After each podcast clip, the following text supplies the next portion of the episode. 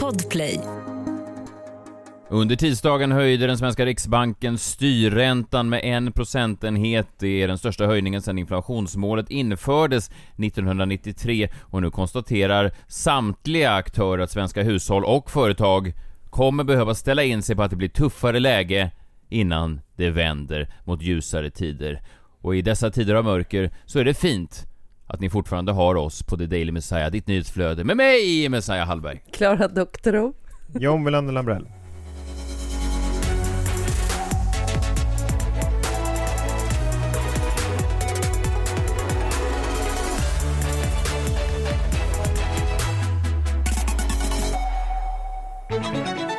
Var det vi, vi som ska ge trygghet och tröst eller? Jag tänker att inte ens Martin Luther King såg sig själv som en hjälte, utan det var väl mer eh, eftervärlden som fick gradera honom och, och det han gjorde. Så, men, men eh, ja, jag vet inte. Det var ju, eh, det är alltid väldigt deppigt dock när man, när man eh, nås av sådana här nyheter, just det där ställ in er nu på att det blir tuffare för att eh, det är ju Ja, jag vet inte riktigt hur någon som, som lyssnar på det här ens gör det. Jag menar, det är ju en, det är en svår insikt att ha när man vaknar upp, att nu blir det tufft. Mm. Ja men framförallt så kan det vara svårt att tänka så här, fan vi har haft det så jäkla bra nu att det kanske är okej med lite tuffare tider.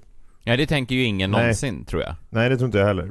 Den eh, resan, mentala resan, är ju ingen människa någonsin beredd att göra. Alltså det är väldigt svårt att gå från första klass till coach. Eller om man ska ta en mer eh, allmängiltig eh, beskrivning. Det är väldigt svårt om du någon gång har fått, jag vet inte, bo på ett elithotell och sen behöva checka in på ett hotell Ibis igen. Det är, det är tufft. Ja. Ja precis. Ingen tänker nog att så här, åh vilka härliga tider det har varit med minusränta. Men en dag så måste det bli plusränta igen och den dagen är här och det gör ingenting. Men det, jag tycker ändå att man har lyssnat på de äldre och de har ju alltid sagt så här, men så som vi har nu, det kommer vända, det kommer vända och man bara nej men det är väl klart att det inte kommer vända. Nu har vi ju haft så här väldigt länge, det kommer ju fortsätta så här. Hur kan man vara så jävla dum undrar jag? Ja fast är det någon som har tänkt så?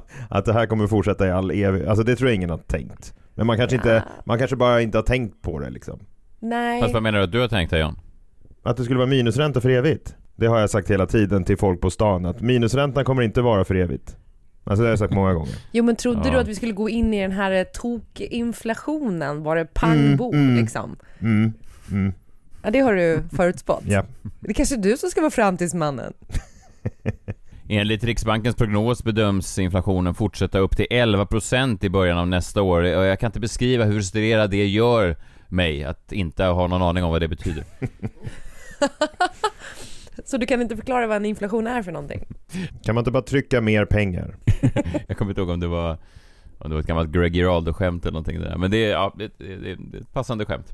Eh, övriga tråkiga nyheter. Marcus uh, Aujalay, han har gjort sitt i Sveriges Mästerkock. Jag vet inte om någon bryr sig om det. Eh, I lite gladare nyheter då. Eh, jag läste på Aftonbladet här igår. Podden löste mordgåtan. Och jag trodde då att äntligen så hade Krimmorgon gjort eh, något avtryck på, på världen. Jag trodde att John hade liksom bidragit till någonting. Eh, men det visade sig ju inte vara då eh, vårt segment, vårt torsdagssegment, utan det var ju då podden Serial, den som startade hela true crime eh, vågen eh, för några år sedan, jag vet inte när den kom, 2014, 2015. Eh, ja, den har ju då bidragit till att en, en, en man har nu släppts ur fängelset. Och jag vet inte John, är det så att vi kommer få höra mer om det här då i, i vår krimmorgon imorgon? Inte bara mer, du kommer få höra allt. Allt. För nu är det ju verkligen dags att prata om det här fallet och det är ju alltså så sjukt. Jag, jag blir, kan bli nästan tjatig av att jag blir så frustrerad över de här eh, liksom domarna som faller mot folk. Men ja, det här är ju ett, ett, ett sinnessjukt fall ur flera aspekter. Jag tänkte att vi ska försöka sammanfatta dels fallet imorgon men också vad som har hänt nu då. Och sen lite övriga eh, glada nyheter då i det stora komikerderbyt eh, i veckan mellan Magnus Bettner och Messiah Hallberg i tv-programmet Alla mot alla, så blev det en storartad succé för Messiah Hallberg som tog hela 11 städer i eh, Under Pressure och därmed lyckades besegra då demonen Bettner och det var ju, eh, ja det var ju väldigt starkt, det var ju väldigt roligt, jag vet inte om ni, om ni såg det men det var ju, må- många hävdar ju att den där Under Pressure-insatsen var, ja det var uppe där eh, bland, bland de bä- bästa genom historien. Ja. Är du i kvartsfinalen nu? Jag vet inte hur mycket som har sänts än, men det har gått bra hittills kan jag säga. Det har gått bra hittills. Eh, och finalen i år är ju i Globen om, ni inte hört det. Ja, just Ja det. man just det, skulle- du såg, ja spännande. Ja, ja vi får se. Men, men eh, eh, det, det som man skulle göra då i Under Pressure här i veckan, det var ju alltså då man skulle nämna, ganska kul grej, passar mig ganska bra, det var så man skulle nämna städer i länder, de sa länder, man skulle nämna städer i länder som inte var huvudstaden helt enkelt. Vilket eh, ibland är enkelt och ibland svårare, men det var, jag fick in några godbitar. Eh, ja men, jag ska inte, behöver inte gå in i detalj men ja, Vietnam och så vidare. Det var, det var, det var snyggt, det var snyggt. Uh -huh. Sen eh, när jag såg programmet så det hände en grej precis som det hände förra gången, förra säsongen av Alla mot alla. Då var det en fråga, de visade en karta då på Krimhalvön eh, och det sändes då typ samma vecka som Putin gick in i eh, Ukraina. Um, och då, vi kunde inte det då, och det här spelades in då innan jul och då verkar, då skrev folk ha ha ha, de har ingen koll på nyheterna. Nu hände samma grej igen, de visade en bild på vem är den här politiska um, kommentatorn, så visade de då den här Henrik Ekengren, den magiska minutmannen. Magiska Och så satt, ja, och så satt vi där som frågetecken, nej. Och de frågade, har ni någonsin sett den här mannen? Nej, det har vi aldrig gjort. Och då direkt ramlar in de massa DMs, en idioter, han har ju varit, ja. Så att det, det ibland är det lite sådär eh, olämpligt exakt när de här sänds, men jag vill bara vara tydlig med det att, eh, ja nu vet jag vem han är, eh, magiska minutmannen. Eh, men, eh, eller magiska kvartmannen Kvarten. var han. Men han, han ser mer ut som en one minute man om jag Ja, faktiskt. Nej, taskigt. Jag tror att han kan dra ut på saker länge.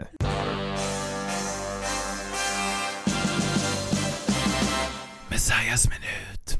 Jag tänkte vi skulle bara snabbt snudda vid den här Pimps and Hose-festen en sista gång. Bingo Rimérs Pimps and Hose-fest, eller Katrin Zytomierskas Pimps and Hose-fest. Alltså, ska man översätta det då så är det då eh, hallickar och hose. Eh, det stavas så, hose, H-O-Z.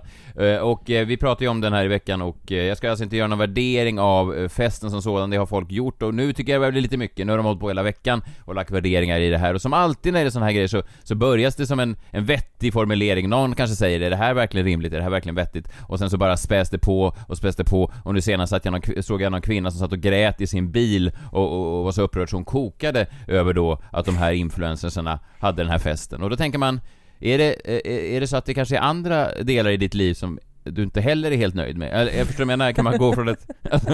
nej men jag bara tänkte, nej men Går man från ett fullt harmoniskt liv till att sitta och gråta och skaka i sin bil över att främlingar har anordnat en fest? Jag vet inte om det är så det funkar. Det, det, det kanske det är. Men det är ju synd att folk alltid måste dra det så jävla långt.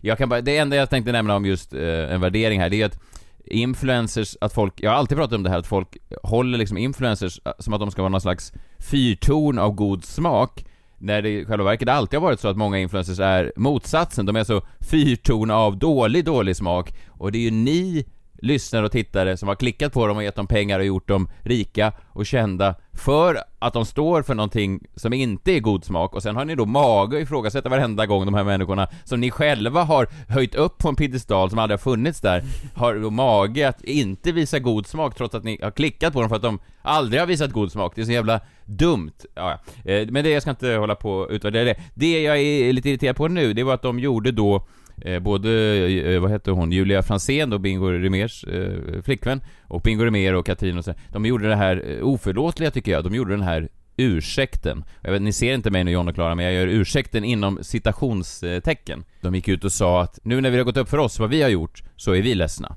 Och influensen Ida Warg, hon var också där, hon sa det blev fel, jag vill förtydliga att jag vill ju inte normalisera trafficking, utan tvärtom. Vad vill hon inte? Onormalisera trafficking vill jag göra. Jaha. Hon vill, hon vill säga att trafficking, det är inte normalt. Då blev det ju Alltså- fel, verkligen. Men varför hade Ja. hon då horstövlar? Ja, det... Men vad Ja. menar, vad är Nej, det vet jag inte. horstövlar för någonting? Alltså de kanske bara skulle ha döpt det till ett BDSM-party, då tror jag inte att folk hade brytt sig så mycket och det hade varit exakt samma dresscode. Men är det där är ju det konstiga med dress, alltså vad, det här att med klädsel, jag tror jag sa det igår också, men vad, vad, är, vad innebär att klä sig som en prostituerad? Nej, det är mer att de kallade sig för horor som är problemet, inte vad de hade på sig. Nej, fast många har ju skrivit det, alltså de klär ut sig till prostituerade så här. hur fan gör man det? Ja, för att de det? säger vi är horor, we're hoes, vi är horor. Och barnen säger vi är horor. Det är ju där problemet ligger. Och att barnen kanske inte ska ha på sig BDSM-kläder eller horkläder, oavsett hur de ser ut. Vad är horkläder? Du, du vet, du, nu måste man ändå kunna säga att det finns, det finns ridsportkläder till exempel. Och det finns sexarbetarkläder, det finns sexklubbskläder. Är inte det horkläder också då? På Stadium så sitter inte de precis bredvid varandra, ridkläderna och... Men det, jag hör att John aldrig har gått ner i källaren på, på Blue Vision på Kungsholmen. Det har jag gjort minsann. Och då är det en viss typ av klädsel där och det är inte den du ser liksom på travbanan direkt. Du använder de här liknelserna in i döden, det är bra. Du menar att Olle Goop brukar inte ha på sig dem? Fisken kan ju användas i båda lägen och hjälmen kan också vara hjälpsam, även, även eh, på en BDSM-klubb. Men jag säger bara att ja, det är klart att det finns kläder för olika. Eh, Så du går inte till kyrkan iklädd de här eh, lackstövlarna som Ida Warg hade som var snörning från tårna Nej, men jag upp förstår inte, till vad har låren. lackstövlar med prostitution att göra? Du menar alltså men alla det som har har- lackstövlar på sig är prostituerade? Nej, det är, inte, det är inte prostituerade kläder, det handlar ju om sexkläder. Det fattar du ju. Vad fan är sexkläder? Ja, ja, okej. Det är de som du brukar komma hem med till din flickvän när du har varit ute på chartersemester. Är det sexkläder? Jag har aldrig sagt, här kommer lite sexkläder. Nej, men det är underförstått. Okej, du menar underkläder då? Jag kommer inte hem med, med en mössa. nej, inte med ridhjälm heller. Nej. Ja, nej men det jag menar är med det här att man ska ju egentligen aldrig, alltså om man har någonting, om man står för någonting, eh, oavsett om det är fel eller inte, så blir- jag vet inte, man förlorar lite respekt tycker jag när folk går ut sen och gör såna här ursäkter som man vet liksom inte ens betyder någonting. Det är ju och det är ju aldrig riktigt ursäkter från folk som verkligen skulle kunna be om ursäkt för saker. Det är ju aldrig så här ”pappa Doc som går ut och ber om ursäkt. Det är aldrig Radko Mladic som gick ut och sa att ah, krigsbrotten, det var, jag ber om ursäkt. Det är aldrig de människorna, utan det är alltid såna här kvasikändisar som ber om ursäkt för någonting som de uppenbarligen har tyckt om, men sen har de förstått då att nej, det här skulle kunna vara mm, ogynnsamt för oss, så vi, så vi måste då be om ursäkt. Jag, jag tycker inte om, jag tycker inte om när komiker går ut och ber om ursäkt för sina skämt. Jag tyckte inte om när eh, Martha Kaufman, hon som skapade Vänner, gick ut sådär 20 år efter serien var slut och bad om ursäkt för att hon inte hade några svarta huvudkaraktärer. Det tyckte jag var fånigt. Alltså, så, så, här, jag förstår nu vad jag har bidragit till. Nej, ja, det, det vet jag inte om du förstår. Hon gav ju i och för sig massa fina pengar då till någonting som skulle gynna då Jo, men ge afroamerikansk pengarna bara. forskning. Ja, jag vet, men, men just den här ursäkten så här, vad, vad, vad, är du ute efter? Kommer när Tiger Woods hade varit otrogen och så fick han ha en presskonferens och så gick han ut och sa ja, jag förstår, här, nu är jag väldigt ledsen, jag ber om ursäkt här för mitt beteende, hur det har påverkat alla. Det kan man ju ta privat till sin fru om man nu känner för det, eller sina barn eller någonting. Men just den här offentliga ursäkten som kändisar liksom nästan kände sig tvungna att mata ut, den tycker jag bara drar ner, för då, då är, vad menar man, alltså, Är det sponsorerna?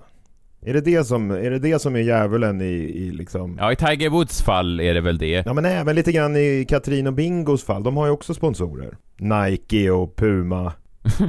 Nej men de har ju också sina liksom Insta-sponsorer. De kanske har tryckt på. Ja, det skulle kunna vara det, för man skulle ju kunna hävda att, att både Bingo och Katrin de här visste mycket väl om att det var olämpligt att klä ut sina barn till horor även i söndags. Alltså jag menar, den nyheten kan ju inte ha kommit Alltså, det kan ju inte vara, alltså, det är som att de skulle ha haft en slavfest och kladdat så skokräm i ansiktet på sina barn och sen gått ut på måndagen. Sorry, vi hade ingen aning om att det var, vi ber om ursäkt, nu förstår Ida Warg bara, jag slår verk, står verkligen inte bakom slavarbete, snarare tvärtom. Hon är emot slavarbete. Det är bara luft allt Men också är det inte det de vill ha lite med, med de där festerna, att det ska vara lite tokigt eller liksom lite på gränsen. Inte det hela liksom syftet. Jaha. Jo men det är det jag menar, antingen så har man ju, antingen är man ju en provocerande jävel och då får man liksom ta effekten, inte gå ut sen och bara göra någon slags sån här allmän poserande ursäkt, för då förtar man ju hela, vem är man då? Då är man bara en, en lallare, någon som ger efter efter massmediala krafter. Jag tycker det jag tycker det är, är, är, är fånigt bara. Jag tycker, sluta be om ursäkt om du inte har begått grova, grova krigsbrott, för då är det väl på sin plats med en rejäl ursäkt.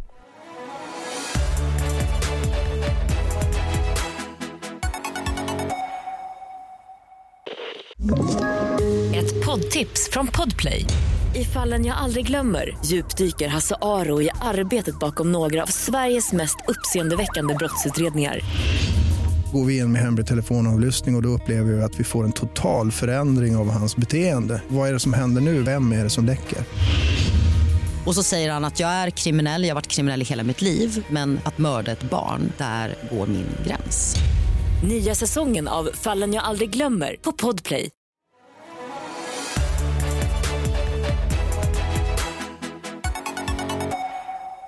John, eh, varje dag så drar du fram den, det är din jättelika jombola, det är en tombola som du döpt om till din jombola. Det är kul där med ditt namn, och så drar du någonting ur den, och så måste du blixtsnabbt komma på eh, vad du ska säga. Kom närmare, kom närmare, var inte rädda. Allt kan hända, allt är möjligt när vi spelar på vår jombola.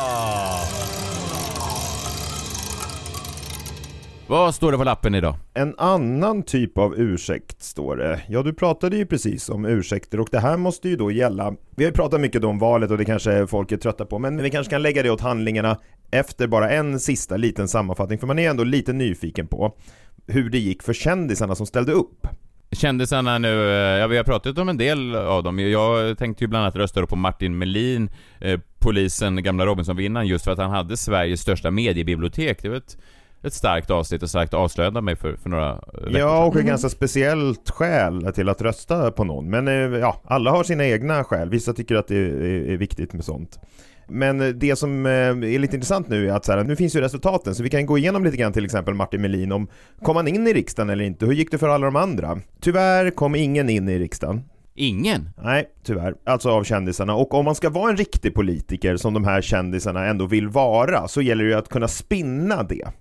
Alltså förstår ni vad jag menar så att det inte låter så dåligt? Man behöver helt enkelt en ursäkt då, en annan typ av, av, av ursäkt. Det vill säga så här, varför kom jag inte in i riksdagen? Det kan man ju inte bara säga att så här, ja men jag kom inte in utan då behöver man spinna det på något sätt om man ska vara en riktig politiker.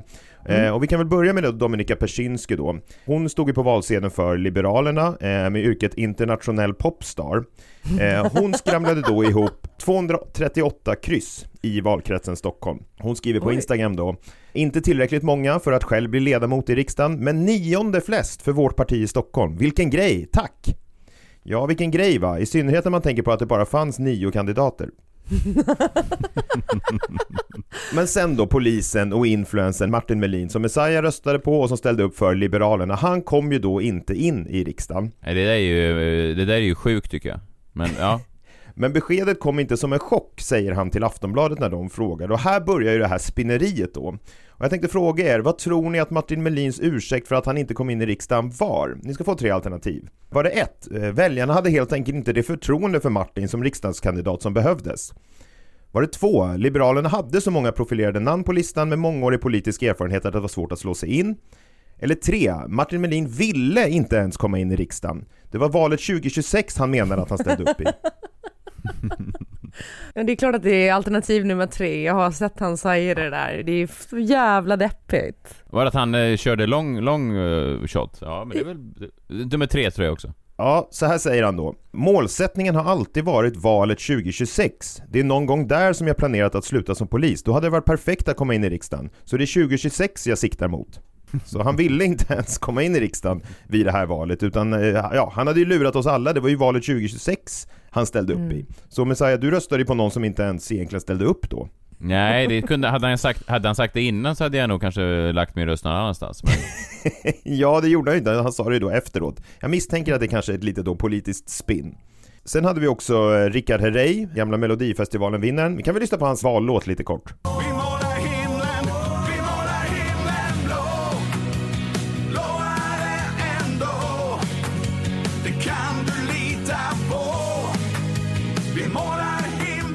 Richard Herrey kandiderade ju då för Moderaterna. Hur tror ni det gick för honom? Han lyckades heller inte ta sig in i riksdagen. Eh, men när en journalist når honom då för att fråga hur han ser på valresultatet så har han också börjat spinna det här. Vad tror ni att hans ursäkt var då? Ni får tre alternativ igen här. Var det ett? Väljarna hade helt enkelt inte det förtroende för Rickard som riksdagskandidat som behövdes. Var det två? Moderaterna hade så många profilerade namn på listan med mångårig politisk erfarenhet att det var svårt att slå sig in. Eller var det tre? Det går inte att komma in i riksdagen, så Rickard visste hela tiden att han inte skulle komma in. ja. Vad tror ni? Ja, jag tror fan tre igen. Alltså, Rickard Herrey säger så här, på frågan då, eh, du kom inte in i riksdagen, hur känns det? Då svarar han så här, det har jag vetat om sedan i november, så det är ingen nyhet. Det har aldrig hänt att någon lyckats kryssa sig in i Stockholms län. Det är en för stor valkrets. Det vet alla som är insatta i Stockholmspolitiken, säger Rickard Herrey. Det är omöjligt. Det går inte att komma in i riksdagen om man är från Stockholm då. Och det har han vetat om redan i, sen i november. Så han visste att han inte skulle komma in på förhand då. Eh, ja, det väcker ju lite, grann, lite fler frågor då om vad fasiken han håll, håller på med då överhuvudtaget. Eh, och, eller hur någon eh, stockholmare kommer in i riksdagen överhuvudtaget. Det kanske aldrig har hänt då, vad vet jag. Men så även om våra kändisar inte kom in i riksdagen så är det i alla fall fint att se att de uttalar sig som riktiga politiker.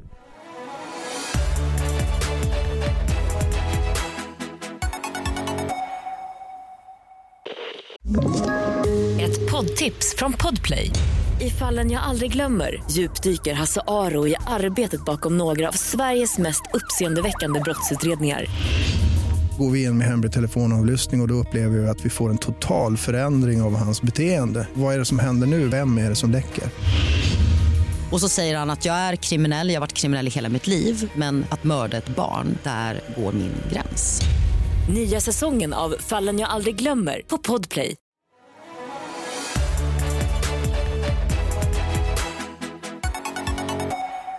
Klara, du brukar ju eh, ibland eh, skriva brev till olika makthavare och jag, jag eh, fick någon notis här i, i natt om att du satt uppe och, och flitens lampa brann, den lös och att pennan gick varm och att du hade skrivit ett brev till någon. Ja.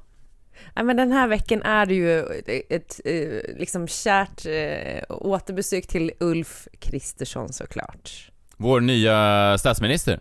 Ja, om han nu blir det. Han har ju inte liksom skrivit under någon papper vad jag har sett än så länge. Eh, och det verkar gå lite tryggt med regeringsbildningen ändå, tryggare än vad vi trodde. Jag tänkte ju ändå med tanke på hur tuppig han var eh, i förväg där om att de skulle liksom, eh, de hade i stort sett allting klart. Det verkar ju nu som att de inte riktigt hade det. Men mitt brev idag handlar faktiskt inte om det, utan det handlar om någonting som jag vill skicka med till Ulf Kristersson inför hans då framtida eh, regeringsarbete. Okej. Okay. Kära Ulf Kristersson.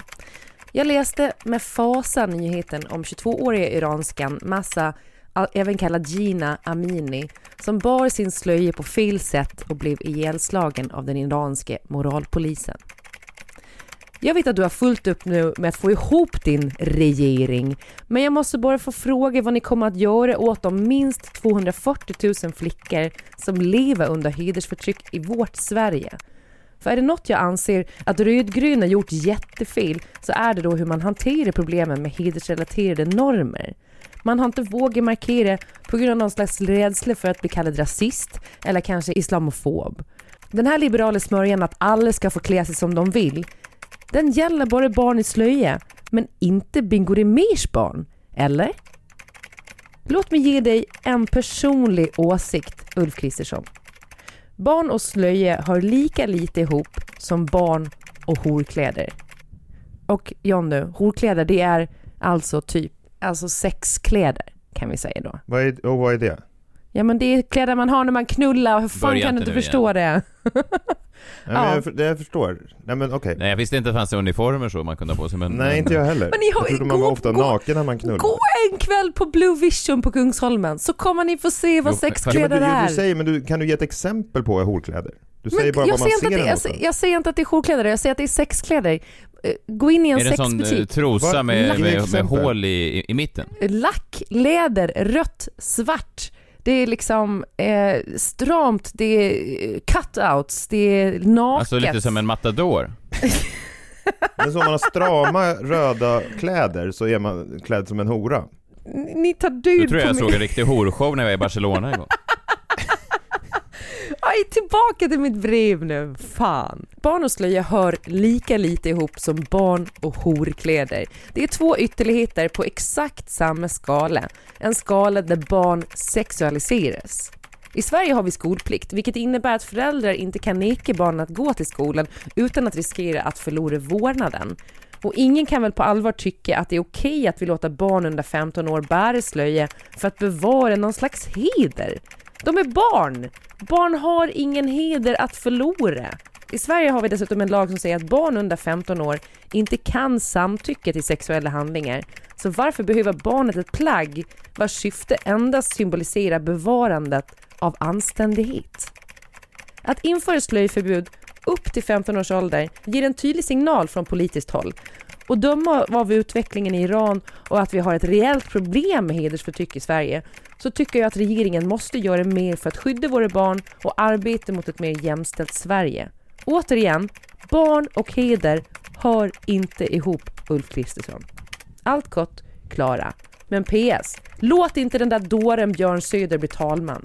Nej. Skicka med honom med två eh, hårda karameller, eller vad man säger.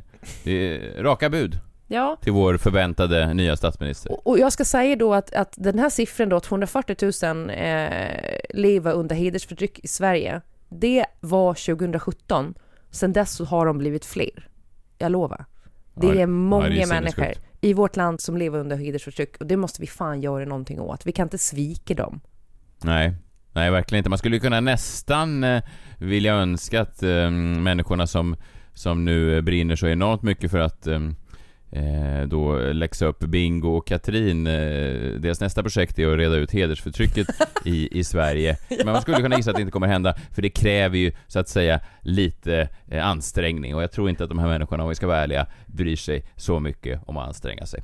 Eh, vi är tillbaka imorgon samma tid. Eh, På fredag kan man se oss live på Bokmässan i Göteborg. Vad vi gör där bland alla författare, det är en gåta. Men där är vi i alla fall på eh, någon scen, foajéscenen 20... Va? Du, du missar ju att jag och John är författare, till skillnad från dig. Vi har ju all rätt i världen att vara där. Vi ska ju också vara på den lite mer då shady bokmässan by night. Folk kanske kommer ha sexkläder där. Ja, det är mycket möjligt. Jag tror att man smälter in bra med resten av de märkliga människor som hänger på foajéscenen. Jag tror att det är 2030. Eh, hoppas vi ses där, annars så hörs vi imorgon bitti. Då är det torsdag, då är det krimmorgon. Då går vi igenom allt, har John utlovat, kring fallet med Serial och Adnan Sayed som nu då har släppts ur fängelset. Vi hörs imorgon. Ta hand om er. Ha en härlig onsdag. Hej, hej. Hej! Hej!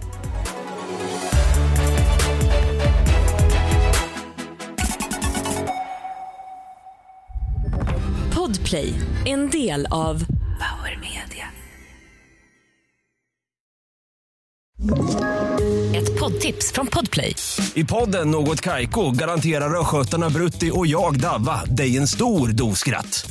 Där följer jag pladask för köttätandet igen. Man är lite som en jävla vampyr. Man har fått lite blodsmak och då måste man ha mer. Udda spaningar, fängslande anekdoter och en och annan arg rant. Jag måste ha mitt kaffe på morgonen för annars är jag ingen trevlig människa. Då är du ingen trevlig människa, punkt. Något Kaiko, hör du på Podplay. Därför är gardinerna.